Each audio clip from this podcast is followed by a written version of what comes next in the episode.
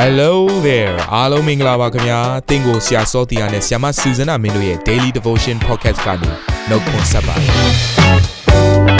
ဆရာနဲ့ဆ iam မတို့ရဲ့အသက်တာမှာဘုရားရှင်ပြုတဲ့ကောင်းကြီးမင်္ဂလာများစွာရှိပါတယ်အဲ့ဒီအထက်ကပြန်လဲစီးဆင်းတဲ့နှုတ်ကပတ်တော်ကိုဒီနေ့မှနားထောင်ပြီးခွန်အားယူကြမှာဖြစ်ပါတယ်နေ့စဉ်10မိနစ်လောက်အချိန်ပေးပြီးမိမိရဲ့အသက်တာကိုကောင်းကြီးဖြစ်စေမယ်ဘုရားသခင်ရဲ့နှုတ်ကပတ်တော်နဲ့နီးလန်းတွေကိုအတူတကွခံယူကြရအောင်ခင်ဗျာ အားလုံးကိုမင်္ဂလာပါလို့နှုတ်ခွန်းဆက်ပါတယ်နှုတ်ကပတ်တော်ကိုကျွန်တော်တို့ဒီတစ်ပတ်မှာလည်းဆက်လက်ပြီးတော့ခံယူကြရအောင်ပြီးခဲ့တဲ့တစ်ပတ်ဟာယေရှုခရစ်တော်ရဲ့အသေးခံခြင်းနဲ့ပြန်လည်ရှင်ပြန်ထမြောက်ခြင်းကိုကျွန်တော်တို့ပြန်လည်၍တော့ကြိုးဆိုခြင်း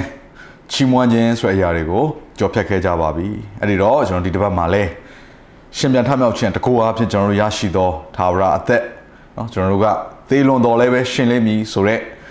ဂတိတော်ကိုရထားပြီးသားသူတွေဖြစ်တဲ့ကြောင့်မလို့ ဒီတစ်ပတ်မှာကျွန်တော်လေ့လာမဲ့ခေါင်းစဉ်ကတော့ခန္ဓာအသစ်အတွက်ပြင်ဆင်ခြင်းဆိုတဲ့ခေါင်းစဉ်အပြင်နှုတ်ကပတ်တော်ကိုကျွန်တော်ဆက်လက်ပြီးတော့ခံယူလေ့လာကြရအောင်အဲ့တော့ပထမနေ့ရက်အတွက်ခေါင်းစဉ်ကတော့ရရှိမိကိုခန္ဓာအသစ်ကျွန်တော်တို့သေပြီးတဲ့နောက်ပိုင်းမှာသာဝရအသက်ကိုရရှိပြီးထားသောယုံကြည်သူများဖြစ်တဲ့အလျောက်ကျွန်တော်တို့ကိုယ်ခန္ဓာအသက်ကိုရရှိမှာဖြစ်တယ်အဲ့တော့ကိုရရှိမဲ့ကိုယ်ခန္ဓာအသက်ဟာဘယ်လိုပုံစံမျိုးလဲဆိုတဲ့အရာကိုနှုတ်ကပတ်တော်ထဲမှာဖော်ပြထားတဲ့အချက်တွေကနေကျွန်တော်တို့ သိမယ်ဆိုရင်အားလုံးအတွက်ဝမ်းမြောက်စရာဖြစ်မယ်ကြိုတင်ပြီးတော့နော်ကျေးဇူးတော်ချီးမွမ်းစရာအကြောင်းနဲ့ပြင်ဆင်စရာအကြောင်းလည်းဖြစ်မယ်လို့ကျွန်တော်ယုံကြည်ပါတယ်ပထမဦးစွာကျမ်းပိုက်တစ်ပိုက်ကိုစာဖတ်ချင်ပါတယ်တေကောအခန်းကြီး15အငယ်35ကနေ39မှာပေါ်လူကကျွန်တော်ရရှိမဲ့ခန္ဓာအသစ်နဲ့ပတ်သက်ပြီးတော့နှိုင်းရှင်ချက်လေးတွေနဲ့ရှင်းပြထားပါတယ်တေလွန်သောသူတို့သည်အဘယ်သို့ထမြောက်ကြမည်နည်းအဘယ်သို့သောကိုနှင့်ပေါ်လာကြမည်နည်းဟုတစုံတစ်ယောက်သောသူမေးလိမ့်မည် အချင်းလူမိုက်သင်စိုက်ပျိုးသောမျိုးစေ့မပြတ်လျင်မရှင်တတ်ထိုမှတပါမျိုးစေ့ကိုစိုက်သောအခါနောက်ဖြစ်လက်တန်သောကိုကိုမစိုက်ဂျုံစဘာဖြစ်စေအခြားသောစဘာဖြစ်စေအစိတ်သက်သက်ကိုစိုက်တတ်၏ကဲတစုံတယောက်သောသူကနော်ကဲတည်ပြီးတဲ့နောက်ပိုင်းမှာငါတို့ရမယ့်ကိုခန္ဓာဘယ်လိုပုံစံများဖြစ်မလဲလို့မေးလာမယ်ဆိုရင်တဲ့အခုပေါလုကနေပြီးတော့မျိုးစေ့နဲ့ပတ်သက်ပြီးတော့ကျွန်တော်တို့ကိုပြန်လည်ပြီးတော့ ရှင်းပြထားပါတယ်အဲ့တော့ကျွန်တော်တို့ရမယ့်ကိုခန္ဓာဟာမျိုးစေ့နဲ့အဲ့ဒီမျိုးစေ့ကနေအပင်ပေါက်လာမဲ့အပင်ရဲ့သဘောနဲ့အတူတူပဲလို့ပြောထားတာဖြစ်ပါတယ်ဒီနေ့အပြင်ပြောမယ်ဆိုရင်เนาะဒီကျမ်းပိုက်အပြင်ကျွန်တော်နားလေရတဲ့အချက်၃ချက်ရှိပါတယ်เนาะခန္ဓာကိုအဟောင်းနဲ့အသစ်ကြားတဲ့ကဆက်ဆက်မှုပေါ့တည်သွားတဲ့ဒီကိုခန္ဓာကတော့ဒါမျိုးစေ့ကဲ့သို့ဖြစ်ပြီးတော့ပေါ်လာမဲ့ကိုခန္ဓာအသစ်ကတော့စောစောမျိုးစေ့ကနေပေါ်ထွက်လာတဲ့အပင်ကဲ့သို့ဖြစ်တယ်ဆိုတဲ့အရာကိုနားလေရတယ်အဲ့တော့နံပါတ်1ချက်ကဘာလဲဆိုတော့ ဓာတ်ရိုက်ချိတ်ဆက်မှုရှိတယ်အဲ့တော့ဒီကိုခန္ဓာယခုလက်ရှိကျွန်တော်တို့ရှိနေတဲ့ကိုခန္ဓာနဲ့အသစ်ရမယ့်ကိုခန္ဓာနဲ့ကဆက်ဆက်မှုရှိပါတယ်ချိတ်ဆက်မှုရှိပါတယ်เนาะဒီကိုခန္ဓာကတော့တခါတည်းပျောက်သွားပြီးတော့နောက်ထပ်လုံးဝဘာမှဆက်ဆက်မှုမရှိတဲ့ဒီကိုခန္ဓာနဲ့လုံးဝမတူညီတဲ့ကိုခန္ဓာကြီးတစ်ခုပေါ်လာမယ်ဆိုတဲ့ပုံစံမျိုးမဟုတ်ဘဲနဲ့အခုလက်ရှိကျွန်တော်တို့ရရှိထားတဲ့ကိုခန္ဓာနဲ့ဆက်ဆက်ပြီးတော့နောက်ထပ်ကိုခန္ဓာအသစ်တစ်ခုကိုကျွန်တော်လက်ခံရရှိမှာဖြစ်တယ်ဆိုတာကို မျိုးစင်းနဲ့သူကပေါက်လာမယ်အပင်အဖြစ်နှိုင်းရှင်ထားတယ်အဲ့တော့အပင်ကပေါက်လာရင်ဘယ်ကပေါက်လာမလဲမျိုးစေ့ကနေထွက်လာမှာဖြစ်တယ်เนาะအပင်ရုပ်တရက်ကြီးပေါ်လာတာမဟုတ်ဘူးမျိုးစေ့ကနေပေါက်မှာဖြစ်တယ်အရင်ဆုံးတော့ဘာဖြစ်ရမလဲမျိုးစေ့ဟာပြက်ရမယ်အဲ့ဒီလိုပဲကျွန်တော်တို့ရဲ့ဒီကိုခန္ဓာပြက်ရတယ်သို့တော်လည်းပဲပေါ်လာမဲ့ကိုခန္ဓာကလည်းဒီကိုခန္ယခုလက်ရှိကျွန်တော်တို့ရှိနေတဲ့အဲဒီဇာတိကိုခန္ဓာနဲ့ဆက်ဆက်တယ်ဆိုတာကိုနားလည်ရပါတယ်နံပါတ်2ချက်ကတော့မတူညီတဲ့ပြောင်းလဲမှုကြီးပေါ်ပေါက်လာတယ်ဆိုတော့ စိုက်လိုက်တဲ့ခါမှာအစိတ်ပြတ်သွားတယ်ပျက်စီးသွားတယ်အစိတ်ကိုမမြင်ရတော့ဘူးเนาะပေါ်လာတာကဘာလဲ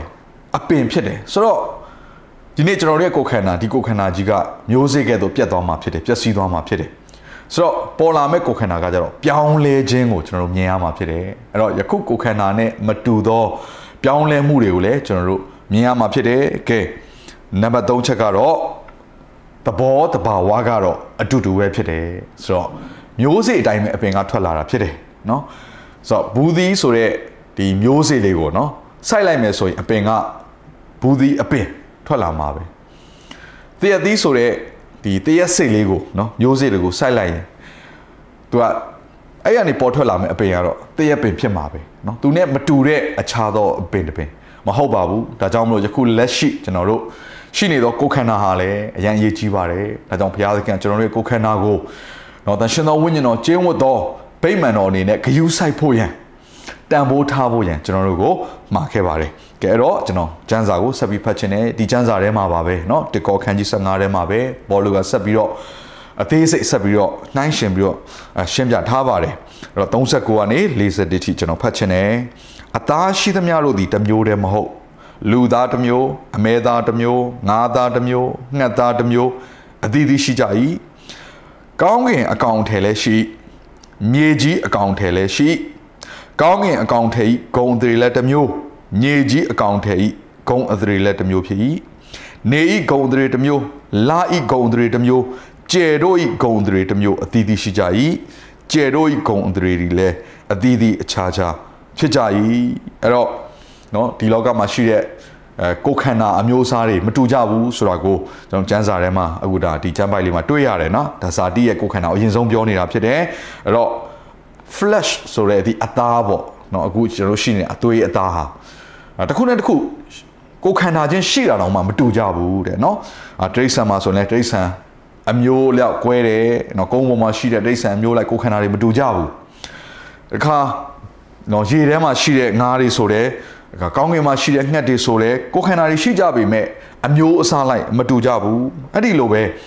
ကကောင်းကင်ရဲ့ကိုခန္ဓာတွေလည်းရှိပါတယ်တဲ့เนาะဆိုတဲ့သဘောကကောင်းကင်မှာလည်းကောင်းကင်တမန်ရဲ့ကိုခန္ဓာရှိမှာပါတခါကျွန်တော်တို့မြေကြီးသားတွေရဲ့အသစ်เนาะရရှိမဲ့ကိုခန္ဓာအသစ်တွေကလည်းအဲရှိမှာပဲတယောက်နဲ့တယောက်တူမှာမဟုတ်ဘူးဆိုတော့ပြောရမယ်ဆိုရင်เนาะနေရဲ့ဂုံတွေလည်းရှိရလရဲ့ဂုံတွေလည်းရှိတယ် နော်တခါကျယ်ရဲ့ဂုံတွေလည်းရှိတယ်ဒါပေမဲ့ကျယ်ချင်းတူတူတောင်မှကျယ်တစ်ခုနဲ့တစ်ခုကသူ့ရဲ့ဂုံအတွေအလင်းရောင်လှပမှုတွေအယောင်တွေနော်အမျိုးအစားတွေကွဲကွဲပြားသလိုပဲဒီကျွန်တော်တို့ရဲ့ယုံကြည်သူများရဲ့အသက်တာမှာလဲကျွန်တော်တို့ရရှိမဲ့ကိုယ်ခန္ဓာအသက်ဟာတယောက်နဲ့တယောက်ဂုံအတွေတွေကွာခြားနေမှာဖြစ်ပါတယ်ညီကောင်မောင်နှမတို့ဒီကျွန်တော်တို့ဒီလောကမှာနေတဲ့အသက်ရှင်စဉ်ကာလမှာကျွန်တော်တို့အသက်ရှင်ခြင်း ပြုမှုခြင်းပြောဆိုခြင်းနေထိုင်ကြံ့ကြံ့ခြင်းဆိုအရာတွေကတနေ့မှာအဲ့ဒီဂုံအသရေတွေကိုကွာခြားသွားစီမှာဖြစ်တယ်เนาะကျွန်တော်တို့ရရှိမဲ့တယောက်နဲ့တယောက်ရဲ့ဂုံအသရေတွေကမတူကြပါဘူးအဲ့တော့ကျွန်တော်တို့ရရှိမဲ့ကိုယ်ခန္ဓာအသက်မှာဂုံအသရေမတူကြဘူးလို့ပြောတဲ့အခါမှာเนาะဒါဟာကောင်းကင်နဲ့ဆိုင်တဲ့ခန္ဓာအသက်ကိုပြောနေတာဖြစ်ပါတယ်အဲ့တော့ကျွန်တော်တို့ကောင်းကင်နဲ့ဆိုင်တဲ့ခန္ဓာအသက်ရဲ့ဂုံအသရေကဘလို့မှမြေကြီးမှာအခုကျွန်တော်ရှိနေတဲ့ခန္ဓာရဲ့ဂုံအသရေနဲ့နှိုင်းရှင်လို့ရမှာမဟုတ်ပါဘူး ဒါကြောင့်မလို့เนาะချိုသောဆရာတွေကဘလို့ပြောလဲဆိုတော့ကဲငါတို့ဒီလောကရဲ့ကိုယ်ခန္ဓာကြီးကိုเนาะကဲသိပ္ပံပညာအရန်ထုံကားလွန်းနေပဲထားပါတော့เนาะတကယ်ကို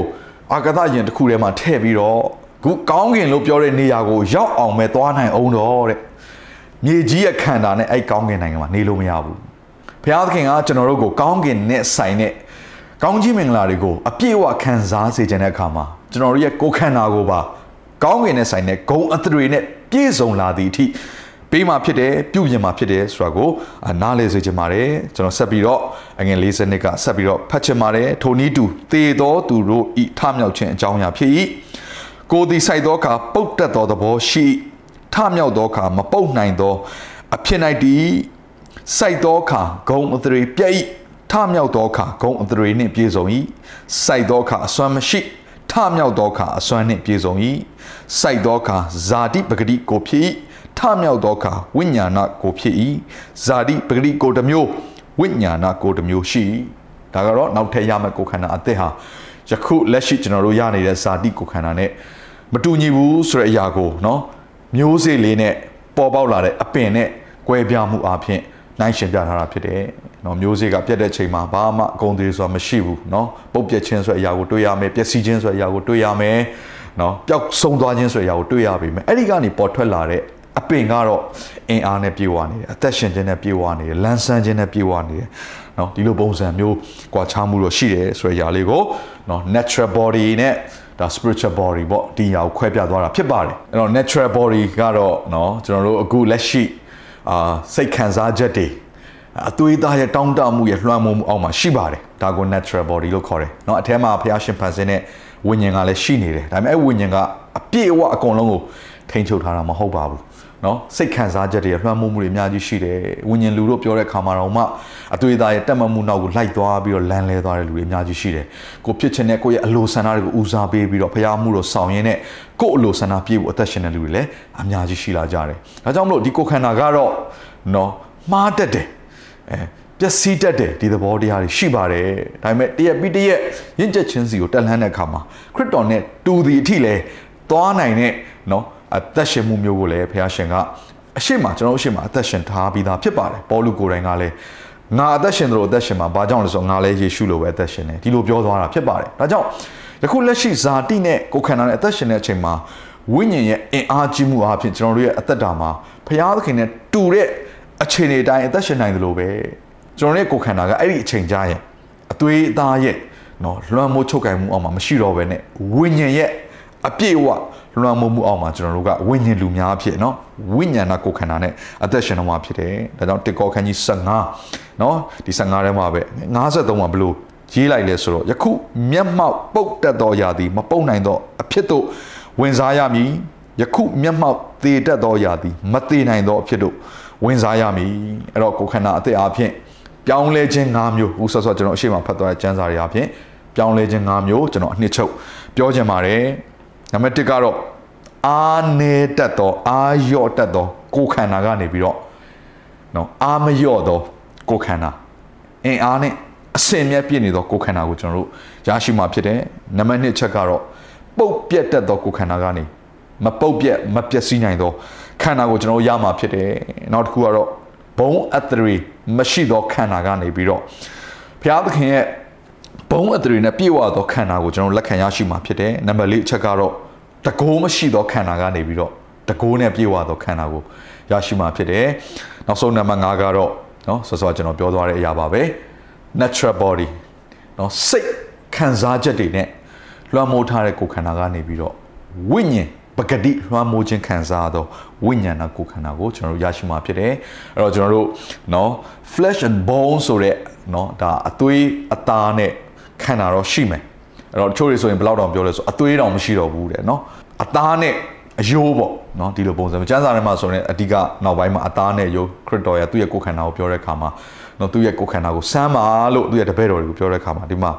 အသားအယိုးတာကိုပဲပြောတယ်အသွေးကိုမပြောတော့ဘူးဒါကြောင့်မလို့တချို့ကျမ်းစာပညာရှင်များကလည်း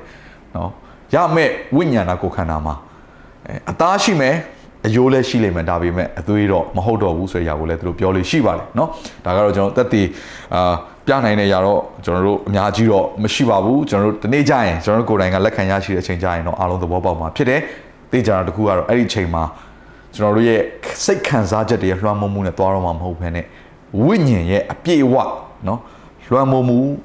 အဲ့တော့ဘုံအတရီနဲ့ပြည့်စုံသောကိုယ်ခန္ဓာကိုရရှိမှာဖြစ်ပါတယ်လို့เนาะအဲ့တော့ဒီဟာလေးကိုကျွန်တော်နားလည်ပြီဆိုရင်ကျွန်တော်လက်ခံရရှိမဲ့အင်မတန်မှကောင်းမွန်သောเนาะအာတကယ်ကိုဘယ်တော့မှမပြည့်စည်နိုင်တဲ့ဘုရားခင်ပြင်ဆင်သောကိုယ်ခန္ဓာအတွက်ယခုကတည်းကစတင်ပြီးတော့ရင်ခုန်မှုဖြစ်တယ်ကြိုတင်ပြီးတော့စိတ်လှုပ်ရှားပြီးတော့နေ့စဉ်အသက်ရှင်မှုမှာလည်းပြင်ဆင်မှုဖြစ်ပါတယ်လို့ဒါကြောင့်မို့ကျွန်တော်ဒီကျမ်းပိုင်းလေးကိုဖတ်ရင်လည်းအဆုံးသတ်ခြင်းနဲ့ဖိလိပ္ပိ အခန်းကြီး3အငယ်20ရာ21ငါတို့ကျင့်သောအကျင့်မူကားကောင်းကင်ဘုံနှင့်ဆက်ဆိုင်လျက်ရှိကဲတင်တော်မူသောအရှင်သခင်ယေရှုခရစ်သည်ကောင်းကင်ဘုံမှကြွလာတော်မူမည်ဟုငါတို့သည်မျော်လင့်လျက်နေကြ၏ထိုသခင်သည်ခတ်သိမ်းသောအရာကိုပင်မိမိအောက်၌နှိမ်ချနိုင်တော်မူသောပြုပြင်အားထုတ်ခြင်းအပြင်ယုံညံ့သောငါတို့၏ကိုယ်ခန္ဓာကိုပင်ဘုံအထရေနှင့်ပြည့်စုံသောကိုယ်ခန္ဓာတော်၏နီးတူဖြစ်စေခြင်းကအသစ်ပြင်ဆင်တော်မူလက်တံ ခဏလောက်ဆုတောင်းကြရအောင်ဘုရားသခင်သားသမီးတို့ကိုနေ့ရက်စဉ်တိုင်းကိုတော်ကပြုပြင်ပုံသွင်းတဲ့အခါမှာခရစ်ယာန်ဘုရားသားတို့တေလွန်ခြင်းရဲ့တစ်ဖက်ကမ်းမှာရရှိမဲ့ဝိညာဏကိုခန္ဓာအတွက်ကိုရောကကြိုတင်ပြင်ဆင်နေတဲ့ຢာတွေကိုလည်းနှုတ်ကပတော်အဖြစ်နားလည်ရပါတယ်ဒီနေ့ပုတ်ပြတ်တတ်သောကိုခန္ဓာကနေပြီးတော့ဘုံအဒရေမရှိသောကိုခန္ဓာကနေပြီးတော့ဘုံနှင့်ပြေသောခန္ဓာအိုးမပြတ်စည်းနိုင်သောဝိညာဏကိုခန္ဓာကိုရောကပေးတော်မှာဖြစ်တယ်ဒါကြောင့်ခရစ်ယာန်ဘုရားယခုအသက်ရှင်စဉ်ကာလမှာ နောက်ကာလမှာရမယ့်ဘုံတွေကိုမျှော်လင့်ထောက်ရှုပြီးတော့ယနေ့အသက်ရှင်ခြင်းမှာတန်ရှင်သောလမ်းသို့ရွေးချယ်ခြင်းမိမိရဲ့ပြောဆိုနေထိုင်ပြုမှုကျင့်ကြံခြင်းဒီကိုတော့အလိုတော်တိုင်းကိုတော့နှစ်သက်သောလမ်းသို့လိုက်နိုင်သောသူတွေဖြစ်ပါမိကြောင်းဝိညာဉ်တော်ဖျားမဆတော်မူပါဂျေဇုပြုတော်မူပါမိကြောင်းအသက်ရှင်သောနာဇရက်မြို့သားယေရှုခရစ်တော်၏နာမကိုမှီပြုလျက်ဆုတောင်းစက္ကန့်နာပါ၏အာမင်